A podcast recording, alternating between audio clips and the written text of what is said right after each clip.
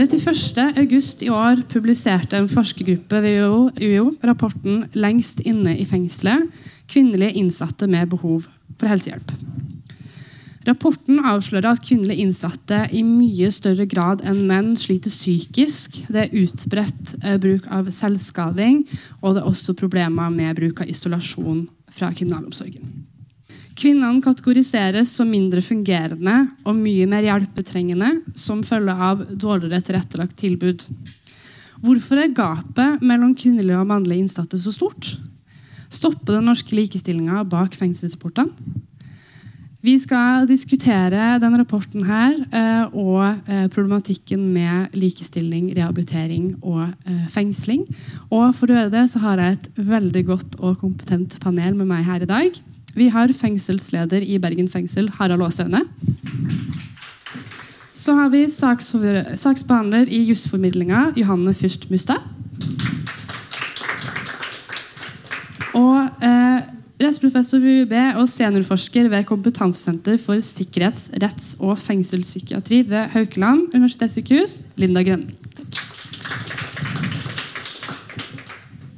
Tenker Vi kan starte litt med å snakke om innholdet i denne rapporten. Eh, fordi Hva var det egentlig den fortalte oss? Den fortalte jo eh, høy grad av eh, dårlig psykisk helse blant de kvinnelige innsatte. Vil du starte litt med å kommentere innholdet?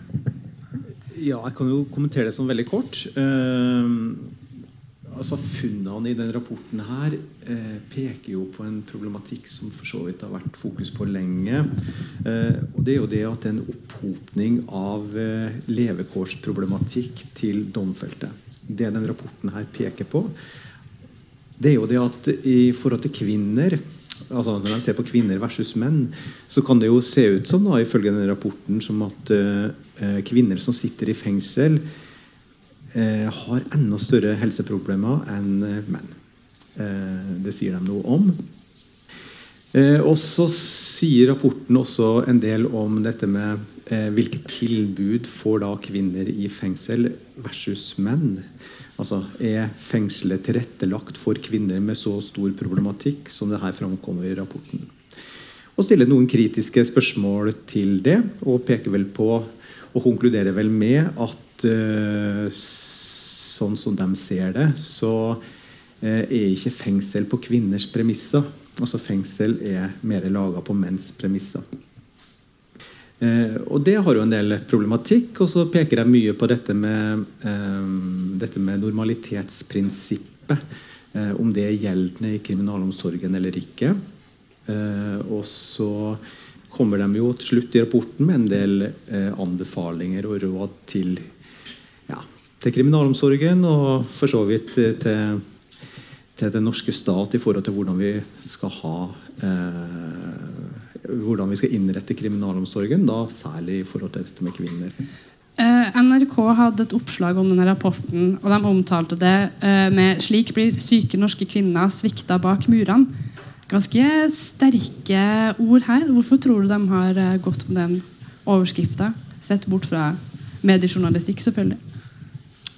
Skal jeg eh, si noe om det? Eh, nei, altså det er jo På en måte er det jo riktig. Eh, fordi at Retten til helsehjelp, inkludert psykisk helsehjelp, er jo en menneskerettighet som skal gjelde lik for alle, uansett om du er i fengsel eller utenfor. Eh, og når man ikke klarer å innfri adgangen til helsehjelp på en eh, tilstrekkelig god måte, og kanskje til og med da, sånn som situasjonen til dels eh, framstilles og ser ut til å være for kvinner i fengsel, der eh, de ikke bare ikke får hjelp eh, eller helsehjelp, men at situasjonen blir verre. Så det er klart at da er det noe der man ikke innfrir grunnleggende menneskerettigheter. Og det er jo høyst problematisk. Og så har vi også denne likebehandlingsaspekten som, som også er eh, retten til likebehandling eller ikke-diskriminering er helt sentralt.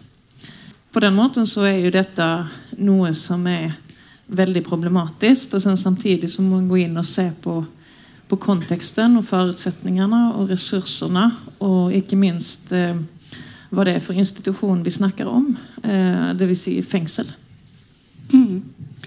Det ble jo, eh, denne rapporten kom jo eh, som på en måte sluttproduktet av et større forskningsprosjekt. Eh, hvordan har de gått frem for å finne de her dataene og på en måte komme til en konklusjon de har? Hvis du vil kommentere på det, Linda?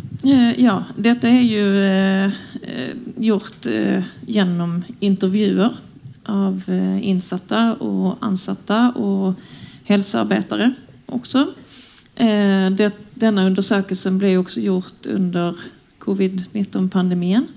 Med de begrensninger som da det la også på forskning. og Det betyr at disse intervjuene er gjort gjennom videointervjuer eller gjennom Zoom. da. Eh, så det er gjort eh, Man har rett og slett gjort eh, dybdeintervjuer av, eh, ja, av innsatte og ansatte for å og helsearbeidere for å høre om hvordan opplever de det, hvordan har de det på forskjellige tema. da på en måte, Hvordan fungerer det her med uh, på en måte innsatte, og så kriminalomsorgen og helsearbeidere? Uh, hvem er det på en måte som har uh, størst rolle i denne problematikken? Er det, eller er det på en måte et, et, sammensatt problem med flere ledd, der det ikke helt har, har vært optimalt? Hvis jeg skal svare litt på det først, så, mm. Så er det jo helt riktig som Linda påpeker, at retten til helsehjelp den er eh, den samme uansett. Altså, du har de samme rettighetene i fengsel som utenfor. Så er det jo faktisk i kriminalomsorgen to etater som har et ansvar her. På den ene siden så er det kriminalomsorgen. Og hva er kriminalomsorgens ansvar? Jo, det å tilrettelegge for at uh, innsatte skal få denne helsehjelpa. Så er det den andre etaten, altså helseforetakene, helsevesenet, som har ansvaret for å gi denne helsehjelpa eller gi denne behandlinga som de innsatte trenger. Så kriminalomsorgens ansvar i dette det er tilrettelegginga. Eh, helsevesenet sitt ansvar det er å gi helsehjelpa. Så du kan si at det er to som har ansvar. Mm. Ja, Johanne? Ja, jeg tror jo, eh, og i forlengelse av det, så tror jeg vi, eh, jusformidlingen og andre rettshjelptiltak, da, som jo skal ha muligheten til å hjelpe og bistå eh, hvis en innsatt føler at her får jeg ikke det jeg trenger. Eh, så er en erfaring vi har, er ofte at kriminalomsorgen og helsehjelp henviser litt til hverandre. At det er kanskje ikke en klar nok rollefordeling, sånn at man klart vet hvem man skal henvise seg til. Fordi vi kan kontakte kriminalomsorgen og få beskjed om at ja, dette er dette er eh, helseinstitusjoner sitt eh, ansvar, og så blir vi henvist tilbake derfra til kriminalomsorgen. Så det er tydelig at eh, og det kommer vel også fram i rapporten nå, at kommunikasjonen de institusjonene imellom er kanskje ikke så god som den burde være. Jeg tror også, Hvis jeg kan legge til det, så tror jeg man skal se på hva er grunnene for problemene her.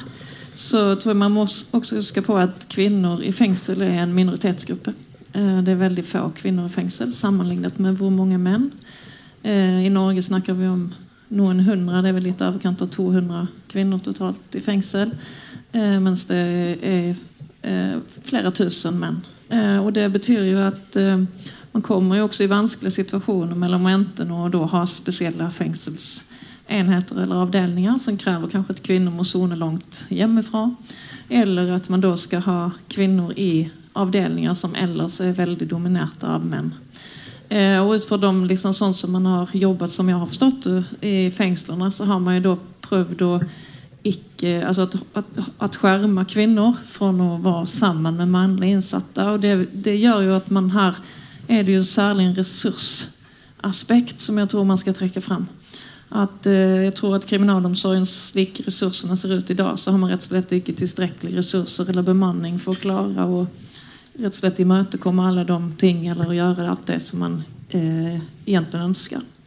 Eh, så, så det, det, tror jeg er en viktig side av saken. Da, at man må se på hvor mange. Og så også så man da ser på denne normalitetsprinsippen som trekkes fram. Så bare sånn at For dere som ikke kan normalitetsprinsippen, så, eh, så sier, det, sier, den eh, i grunn og bunn at det er frihetsberøvelsen som er selve straffen. Så det at man blir innelåst i en fengsel, det er det som er straffen. Men utover det som er nødvendig, eller den frihetsberøvelsen som er nødvendig av innesperringen, så skal man ikke fratas noen rettigheter, og livet skal prøve å være så normalt som mulig.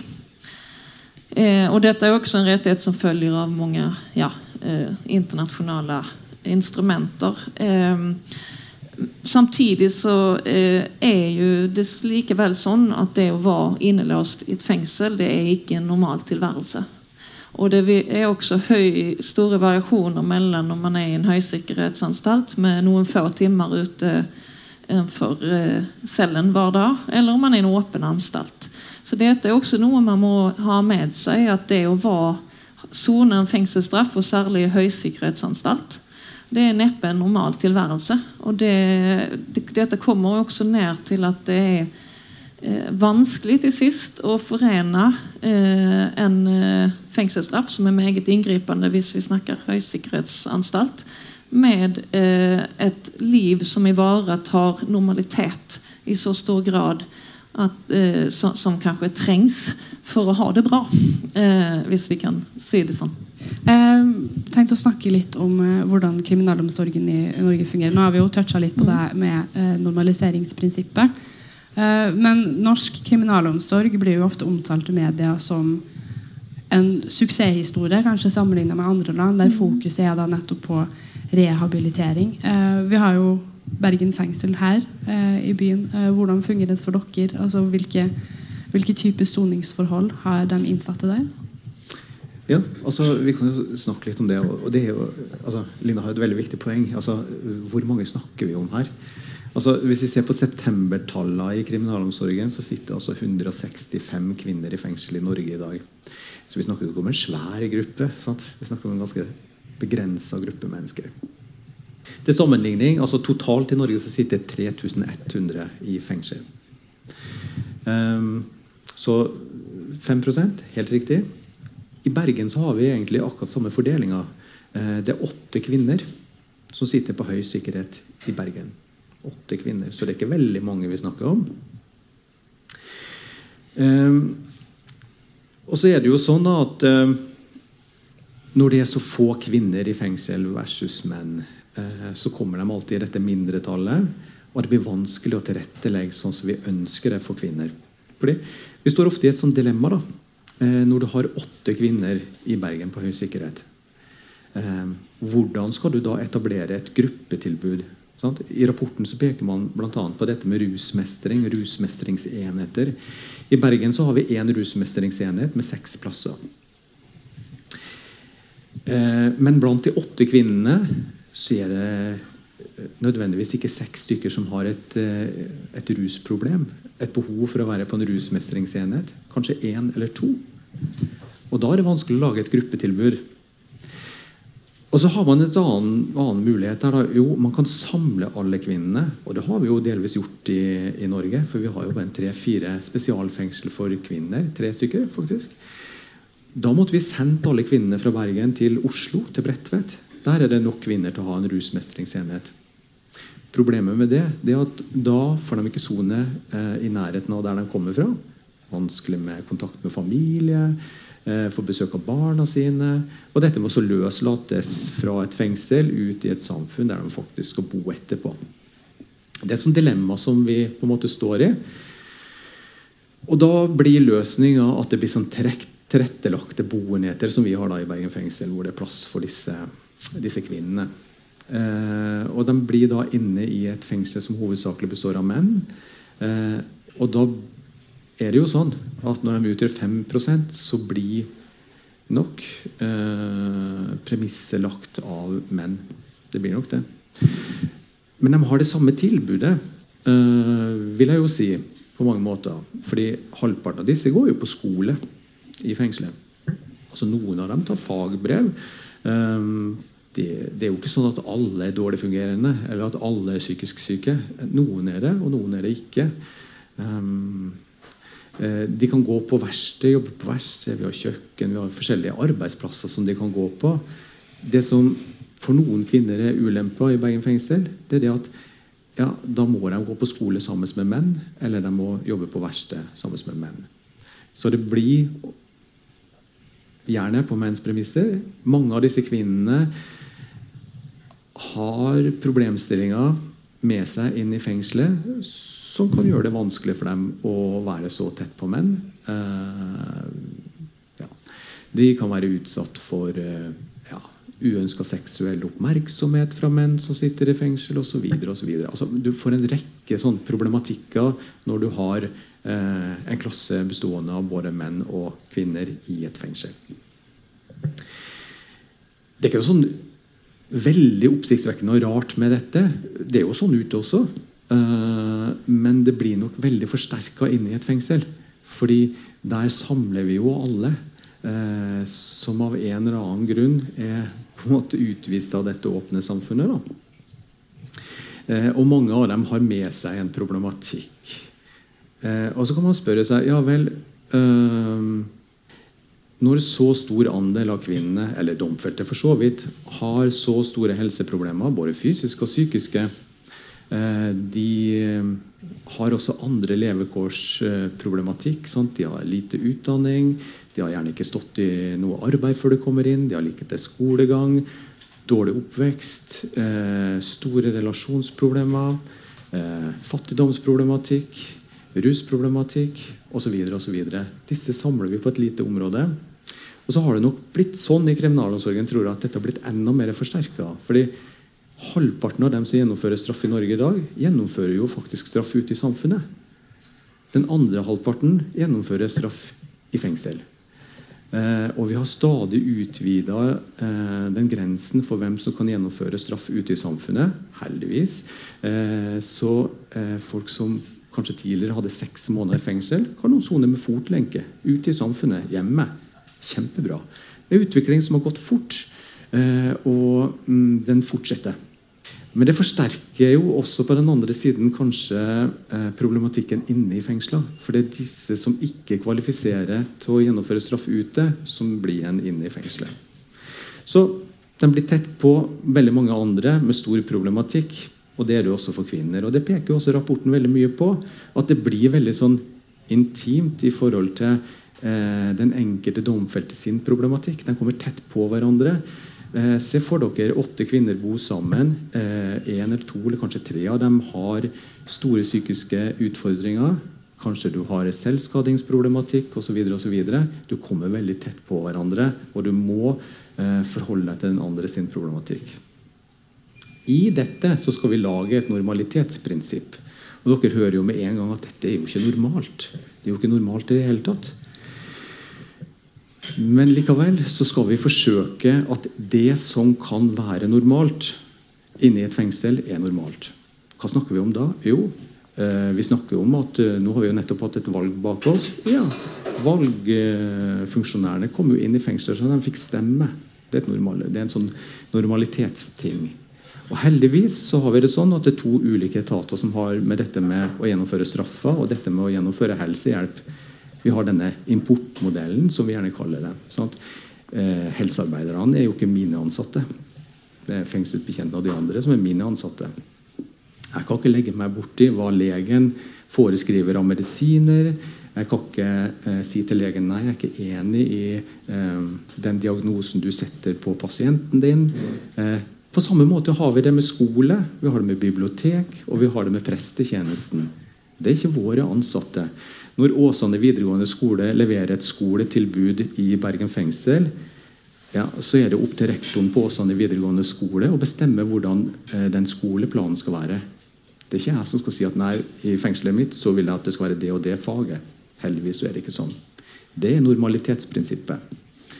Når biblioteket kommer inn der, og Eivind Rishauge, som er bibliotekaren i Bergen fengsel, flott fyr, kommer med sine bøker, så er det jo ikke sånn at jeg kommer og sier nei, jeg syns du skal ha den litteraturen, den litteraturen.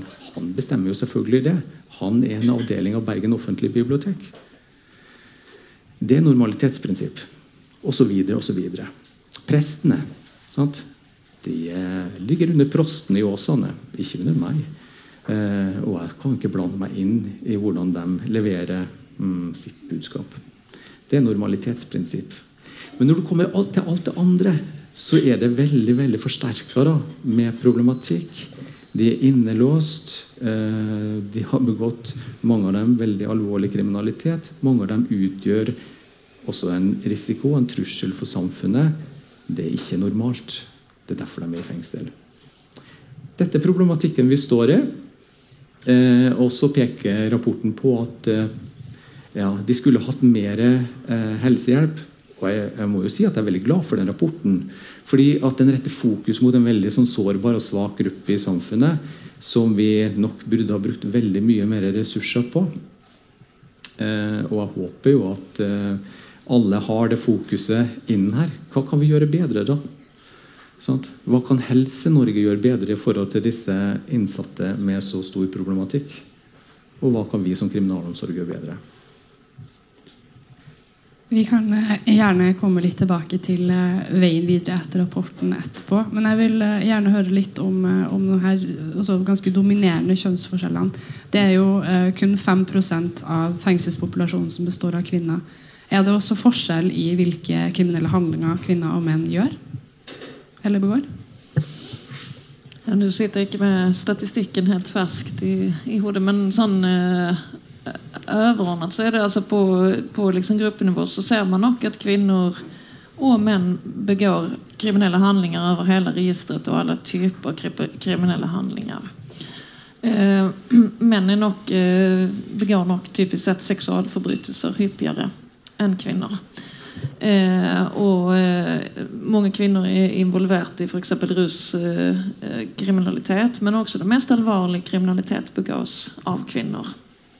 Eh, menn er jo generelt sett overrepresenterte i eh, kriminalstatistikken over hele linjen. Og det gjenspeiles jo også da i at det er såpass få kvinner som begår eller som sitter i fengsel. Eh, jeg vet ikke om du har, har bedre oversikt over hva de som faktisk sitter i fengsel, altså hva du har for type kriminalitet. Men ja, mitt inntrykk er at det er forskjellige typer kriminalitet, akkurat som for, for menn. Eh, og at det er kriminalitet som De sitter i fengsel, sitter typisk sett for alvorlig kriminalitet. Så, så det er vold og, og, drap, og jeg vet ikke om du har innsikt der. Um, jeg, hvert fall En ting som kom fram i rapporten, er jo det at uh, kvinner som uh, kvinnelige innsatte er også oftere uh, offer for kriminalitet. noe som jo da bidrar til å forsterke disse psykiske konsekvensene ofte av å sitte inne. Um, og så en ting jeg mener kanskje det ikke snakkes nok om, er jo på en måte med tanke på likestilling og sånne ting, er at kvinner møter veldig ofte mye eh, sterkere fordommer hvis de begår eh, alvorlig sånn voldskriminalitet og slike ting. Eh, og det, jeg mener Kilden hadde en eh, rapport om det eh, i 2020, om at kvinner de dømmes hardere eh, med tanke på fordommer da, hvis de har begått voldelig kriminalitet eh, enn det menn gjør. Noe som også kan bidra til å forsterke da, de reaksjonene de får eh, med tanke på isolasjon og slike ting i fengsel. Mhm. Ja, for det nevnte jo eh, den rapporten eh, ganske mye om, egentlig, den bruken av isolasjon mot kvinnelige innsatte. Eh, vil noen dere fortelle litt eh, om hvordan det fungerer med isolasjon, og hvorfor det brukes? Vil du starte her, da? Jeg kan si sånn kort om det. Altså, Isolasjon har jo vært en problematikk i kriminalomsorgen over år som vi har jobba veldig aktivt med å få ned. Og det har vi heldigvis lyktes med, og fått ned isolasjonen eh, ganske mye de siste par åra. Isolasjon det foregår jo på ulike måter. Eh, når vi snakker om isolasjon i den forstand, eh, så snakker vi ofte om det hvis du har mindre enn to timer fellesskap med andre. Altså at du er innelåst på rommet ditt i mer enn 22 timer i døgnet. Da er du isolert um, etter de bestemmelsene. som vi, ja, så vi måler den type isolasjon på. Og hvem er det som er isolert? Jo, punkt én, det er de som har fått en, en uh, isolasjon fra retten. Altså Du sitter i fengsel med brev- og besøksforbud. Altså Du har forbud mot å være sammen med andre innsatte. Det er én gruppe. Så har du en gruppe til. Det er den gruppa hvor vi bestemmer at de skal isoleres pga. oppførselen eller atferden i fengsel. Det, hvis du eh, gjør noe i fengsel som vi mener eh, at det er nødvendig å ta deg ut av et fellesskap. Altså, Hvis du driver og går rundt i et fellesskap og vifter med en brødkniv, så må vi ta deg ut av det fellesskapet. Da blir du isolert av oss, altså kriminalomsorgen. Um, og så har du en tredje gruppe som er ganske utbredt også. Det er det at, de, uh, at man velger sjøl å isolere seg. Man vil ikke være sammen med andre. Ulike grunner til det. Det kan være det at du er redd. Sant? Du er redd de andre innsatte. Du vil ikke menge deg med noen. Kommer i et fengsel, livredd. Masse skumle folk rundt deg. Eller det kan være at du har psykiske problemer. Typisk sosial angst eh, eller angst, depresjon. Du murer deg inne, du vil ikke være sammen med andre. Ehm, det er liksom de tre hovedgruppene som er isolert i, i norske fengsel og i Bergen fengsel.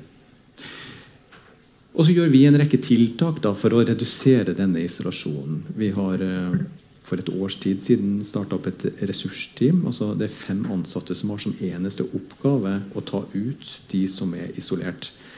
Eh, forberede dem på å faktisk kanskje kunne mestre å være i en fellesskapsavdeling sammen med andre innsatte. Trene dem litt og litt. Og banke på døren hver dag. får dem lirka litt mer ut. De som har forbud fra politiet, tar vi ut. Da får de jo bare kontakt med oss ansatte, ikke med andre innsatte.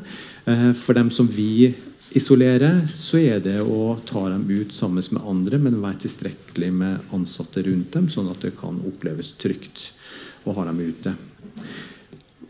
Altså, det er jo sånn at vi, vi, må jo bare erkjenne at folk i fengsel også utgjør en ganske stor risiko. mange.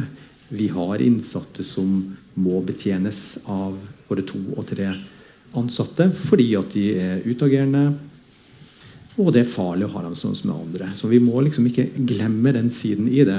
At denne isolasjonen det er jo ikke noe vi eh, ønsker, men det er noe som av og til er nødvendig. Men i dette isolasjonsbegrepet så går det jo også på at vi ønsker mest mulig utetid. Og der har vi jo også fremdeles en lang vei å gå. Um, andre land har jo lovfesta utetid, bl.a. Sverige. Der skal alle ha rett til å være ute av rommet sitt mer enn åtte eller ti timer. Jeg husker ikke hva, hva, de har. Sånn har vi det ikke i Norge. Men vi har målsettinger om at alle skal være ut mer enn åtte eller ni timer. Da. Alt ettersom hvor de er i soninga. Og vi er på god vei til å være der også. Mm. Johan? Um, her får du rette på meg hvis jeg tar feil. Uh, men uh, så vidt jeg har forstått, så er det jo på en måte også da i straffegjennomføringsloven så har du dette med til fare for seg selv eller andre. Mm. Så eh, rapporten jo, viste jo også til det at uh, isolasjon er jo også noe som brukes hvis du uh, har prøvd å ta ditt eget liv, f.eks.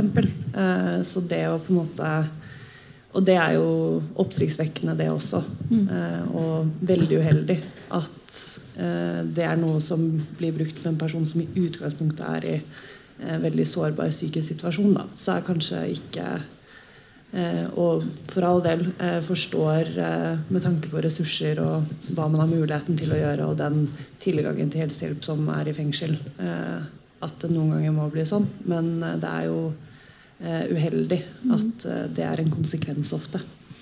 Ja, nei, jeg, jeg synes Det er veldig viktig å påpeke det. og jeg tror også at blant Det også som kommer fram av rapporten, og som også Eh, har vært tidligere kritikk mot eh, psykisk syke innsatte generelt fra Sivilombudsmannen. Eh, det er jo akkurat dette at psykisk sykdom eller behov, altså forskjellige typer av ja, selvskading, utagering, som er et ledd i en ja, at man har det veldig dårlig psykisk, eh, møtes med eh, isolasjon og også tvangstiltak, type belting og den slags.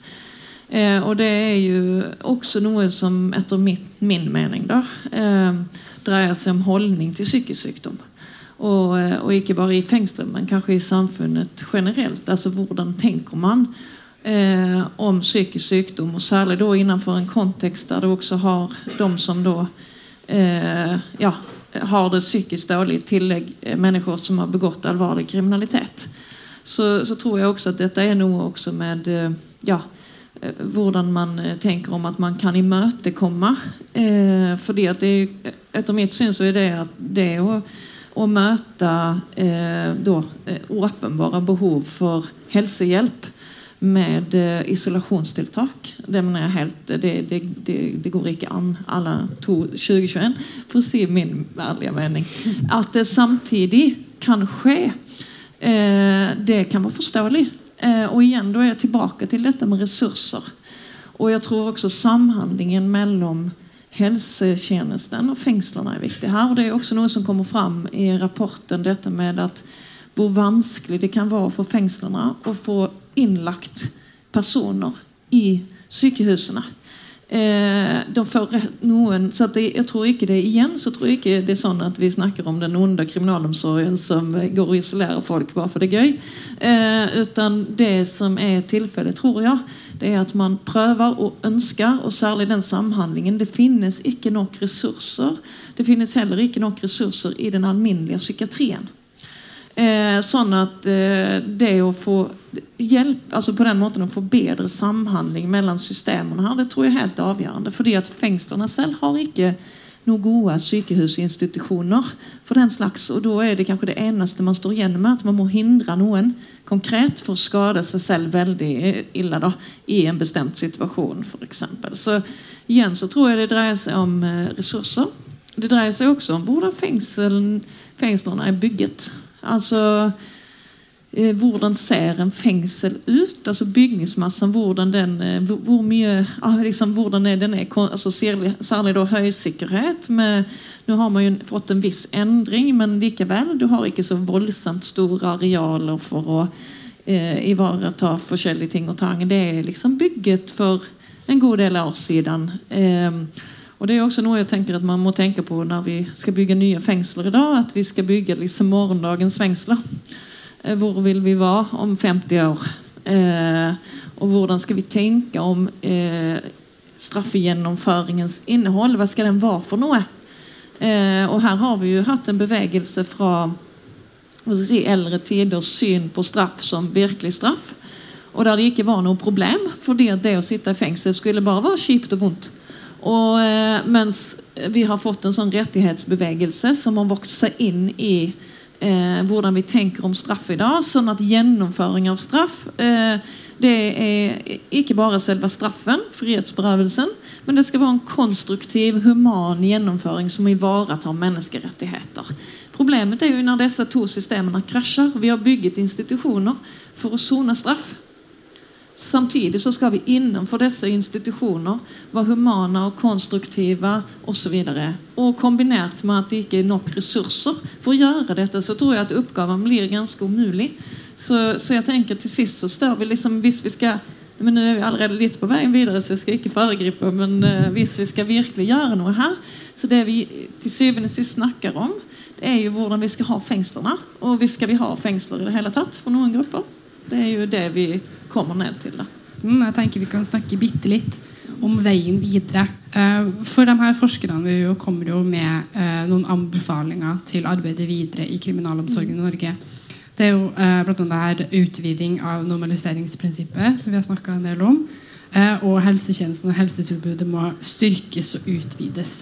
At det også må være større grad tilgang på kvinnelige leger for kvinnelige innsatte. Uh, hvordan skal man på en måte gå fram for å få til det her? Og er, er, mener dere at det er, det er veien å gå?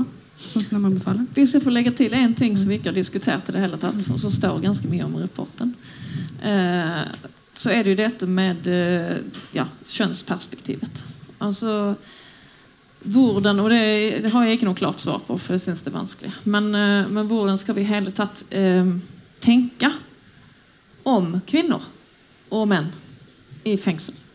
Altså er det fordi at det, Hele denne diskusjonen er på en eller annen måte fundert på en uuttalt eller uttalt premiss om at kvinner har noen særlige behov som noen særlige sårbare grupper, eller som en særlig sårbar gruppe, som har, noe, har noe annerledes behov enn menn, som skal separeres til dels fra menn, osv. Og det er det, til dels er dette en grunn av de problemene vi har, er jo at de liksom, retningslinjer og prinsipp som vi jobber er liksom fundert på det.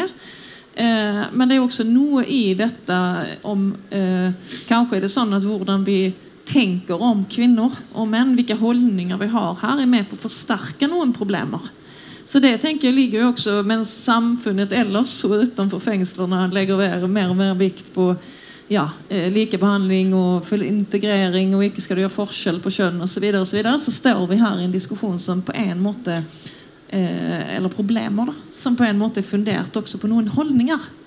eh, som kanskje blir selvforsterkende. Og det berører de også, dette kjønnsperspektivene. De har jo ikke noe klare svar der, men jeg tenker at det er jo noe altså, Før man egentlig kan si hva, hvordan, så må vi begynne nesten med å ha noen ideer om på hvilke prinsipp om, eller holdninger om kvinner og menn eh, skal vi bygge dette.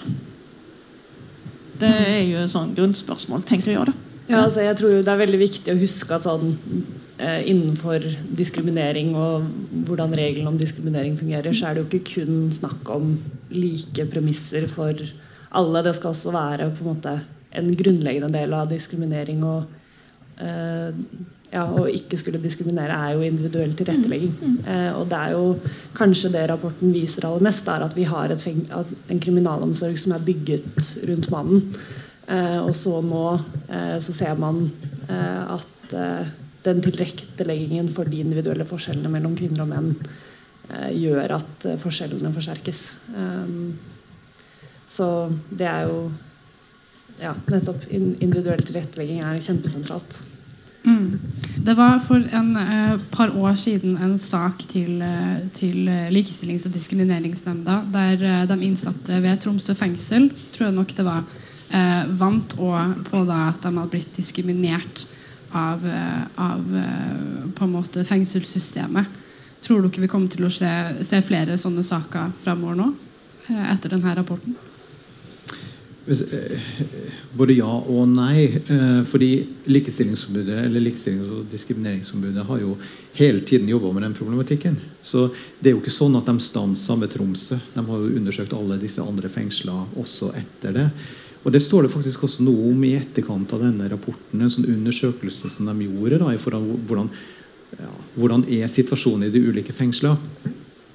Det er ganske sånn små, konkrete ting eh, som den kritiserte Tromsø fengsel for. Det er sånn typisk ting som at kvinnene i fengselet hadde ikke tilgang til den store luftegården. Sant? Det hadde menn. Det er en forskjell. De hadde større mulighet til å drive med fysisk aktivitet altså mennene enn kvinner. Mm. Så det er nok disse konkrete tingene som kriminalomsorgen har fått kritikk for. Og Det syns jeg på et vis er litt underlig, fordi at problemet er langt større enn det. Eh, det blir, eh, av og til føler jeg det som en litt sånn avsporing av eh, hovedproblemet. For hovedproblemet er faktisk mye dypere og mer alvorlig enn det. Og kanskje mer i retning av at liksom, ja, er fengslene tilrettelagt for de behovene som vi kan tenke rundt kvinner? Kan vi tenke helt annerledes? Kan vi gjøre noe helt annet? Ikke vet jeg. Men eh, når rapporten nå anbefaler det den anbefaler, så, eh, så er jeg jo enig med veldig mye av, det som, eh, av de anbefalingene som kommer. Eh, det er jo altså, Det er ikke så veldig forskjellig fra de anbefalingene som Sivilombudsmannen har. egentlig. Det er faktisk mange av de samme punktene som går igjen. Jeg har litt lyst til å dra tilbake til eh, fordi Det står det også noe om dette med tvangsbruk og psykisk helse. For det er en sånn svær, alvorlig ting.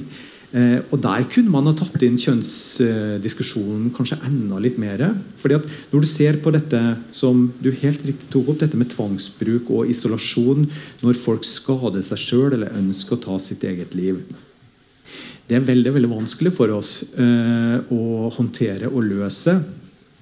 Eh, fordi hva skal du gjøre da når Eh, en domfelt mer og mindre kronisk skader seg sjøl. Sånn? De fins i fengsel, og de fins utenfor fengsel. Skal vi ha dem i fellesskapet, hvor de får tilgang på de tingene de kan skade seg på, og de skader seg om igjen og om igjen? Um, skal vi ta dem ut av et celle eller et rom hvor de har tilgang til ting som de kan strangulere seg med, kutte seg med osv.? Eller skal vi la dem være der? Vi har to ansvar. Altså, vi har ansvaret for at de skal få mest mulig ja, fellesskap og minst mulig isolasjon, og alle disse tingene, men vi har også et ansvar for at de ikke skal kunne skade seg eller ta sitt eget liv. Det er utrolig vanskelig når du kommer ned til de konkrete enkeltmenneskene, eh, og du får det tett på deg. Ikke sant? Eh, fordi at Intuitivt så ønsker vi selvfølgelig å beskytte dem. Og Derfor så tar vi dem vekk fra det stedet hvor de skader seg. Og så skjønner jo vi jo, og alle skjønner jo det, at det å isolere eller beltelegge noen som vil ta sitt eget liv, det er voldsomme greier. Men vi gjør det allikevel, for vi har ikke noen andre verktøy til å håndtere det. Samme kritikken for psykiatrien. For det er jo ikke sånn at de ikke beltelegges i psykiatrien. Vi beltelegger jo ikke folk lenger i Bergen fengsel. Sisten som var lagt i belta i Bergen fengsel, var i januar 2017. Nå har vi faktisk fysisk tatt bort sikkerhetssenga i Bergen fengsel. Kriminalomsorgen har ikke gjort det. Men vi har valgt å gjøre det likevel, etter anbefaling fra Sivilombudsmannen. Nå jobber jo kriminalomsorgen nasjonalt med spørsmålet om vi skal ha eh, sikkerhetssenger i kriminalomsorgen i det hele tatt. Vi har valgt å ta dem bort før de konkluderer, fordi at vi mener at de skal bort. Eh, det er noe jeg kan gjøre og bestemme av eget initiativ hvilke tvangsmidler vi skal ha i fengselet. Men jeg opplever jo også samtidig at når vi har eh, tilfeller hvor vi normalt ville ha brukt eller kunne ha brukt en sikkerhetsseng. altså eh, noen kutter seg opp om igjen og om igjen, og om igjen, f.eks. Rive opp sår og sånne ting. Da har vi ikke så veldig mange virkemidler annet enn å holde dem. Det vi for det første ikke trent til. Vi har ikke fasilitetene til det. Og vi har ikke ressursene som kreves til det. Så blir de framstilt til psykiatrien. Noen ganger så blir de lagt inn. Kanskje et døgn. Kommer tilbake igjen. Så du har denne rundgangen. Det altså, det er ikke uvanlig at vi har både fem og seks og sju og åtte innleggelser på bare noen få måneder. To måneder. Sant? Du får dem inn, kjapt tilbake, og det er bra. Hva gjør de i psykiatrien? Jo, der kan de beltlegge for den korte perioden. og så kommer de tilbake. Altså, dette er ingen enkel problemstilling. Det er langt mer komplekst enn det kanskje kan høres ut som. Um, og det er jo ikke sånn at vi sitter på svaret, eller psykiatrien sitter på svaret. Men det vi i alle fall er ganske sikre på, det er det at disse er vi verken kompetente eller har ressursene til å håndtere alene i kriminalomsorgen. Derfor er vi helt avhengig av eh, helsesiden. Og vi er avhengig av å få folk lagt inn over noe tid eh, når situasjonen er så alvorlig som den er for mange av disse. da men eh, psykiatrien igjen, på sin side, de har jo også et problem. Når skal de gå inn og bruke tvang? Jo, det er jo når det er en aktuell situasjon. altså Hvor det er akutt fare for liv, f.eks. Eller ja, for at noen skal skades. Når den akutte fasen er over, så har jo ikke de noe grunnlag til å behandle folk under tvang. Mange av disse menneskene er jo ikke sånn at de ønsker å være i psykiatrien. Sånn. Og Når vi da skal ha dem i psykiatrien, ja vel, så må det finnes et grunnlag til å ha dem mm, innlagt under tvang. Og Hvis ikke det finnes, hva skal vi da gjøre? Jo, da må de jo tilbake. Så det er mange komplekse problemstillinger inn i dette når du dykker helt ned i det. Eh, og at denne rapporten tar opp sånne ting, og at vi ser sånne ting. Er det sånn at kvinner har andre problemstillinger enn menn, ja, så er det veldig bra. da, og vi... Eh, vi har ikke svara, men eh, jeg ser jo ut fra det rapporten peker på, og de anbefalingene de har, at det er nok en bevegelse i samfunnet i forhold til å se på problematikken. Og Hvis vi går tilbake til å se på liksom, ja, hvilke tall snakker vi om, da, og vi snakker om eh, bare 165 kvinner i Norge, så skulle man jo tro at det var løsbart. Mm. Mm. Har dere noe å legge til? Jeg eh, tenker sånn Du sier jo det er komplekse vurderinger. Um, og alt baserer seg jo på en måte på lover og regler, og de vurderingene tas jo med grunnlag i det. Eh, og slike ting. Og det er jo eh, Maria Aasen Svensrud sa det ved lanseringen eh, av rapporten.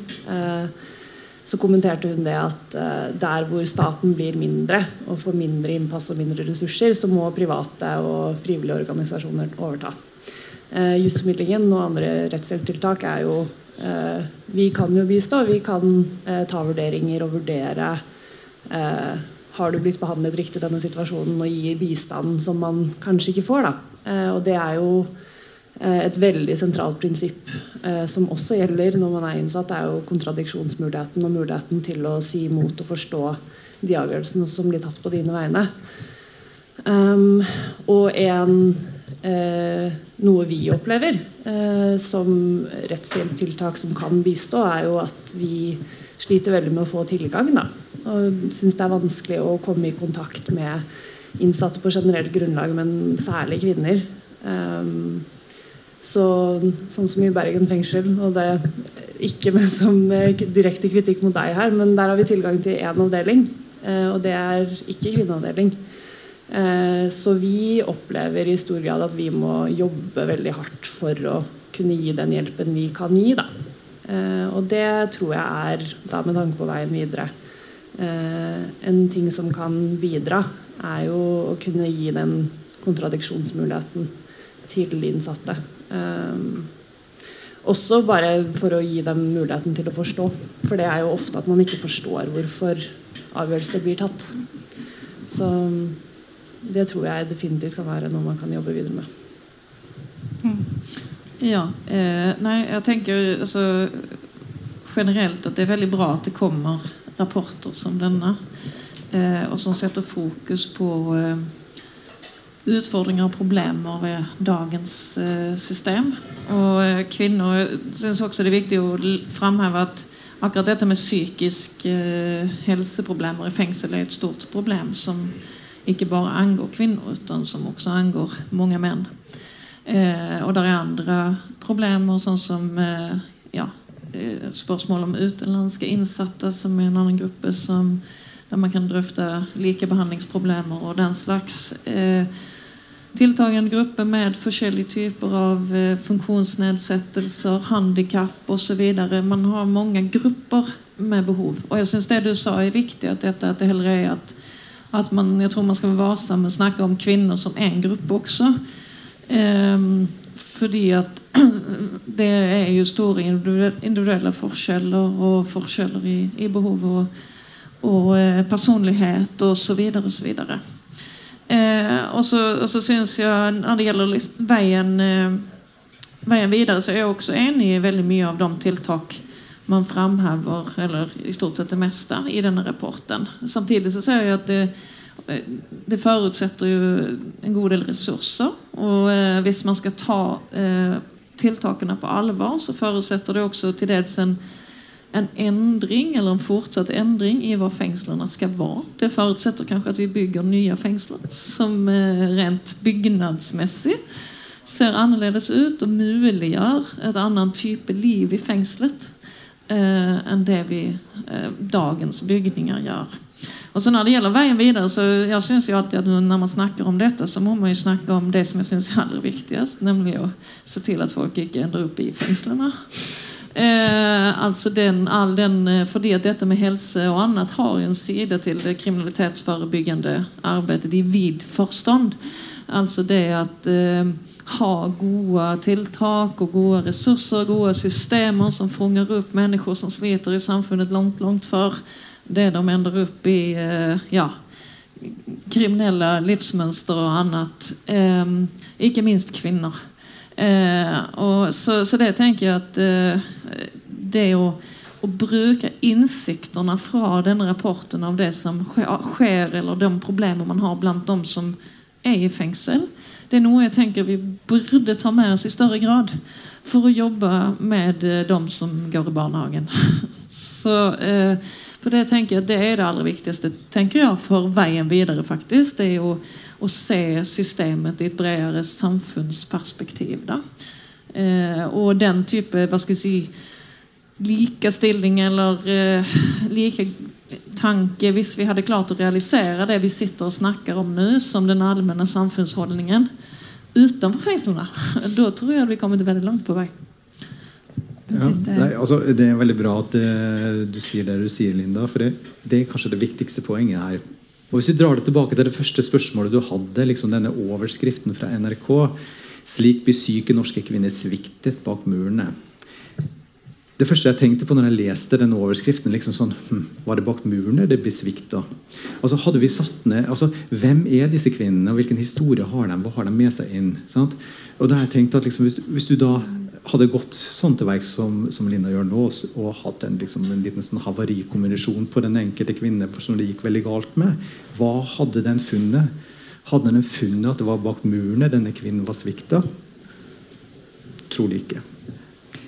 Det da kunne jeg snakka lenge om det her, merker jeg, men tida begynner å gå litt ifra oss. Så tusen takk til dere, eh, Harald Johanne og Linda, for en utrolig interessant samtale. Eh, så håper jeg dere har, eh, har lært mer, og jeg syns det har vært spennende å høre på.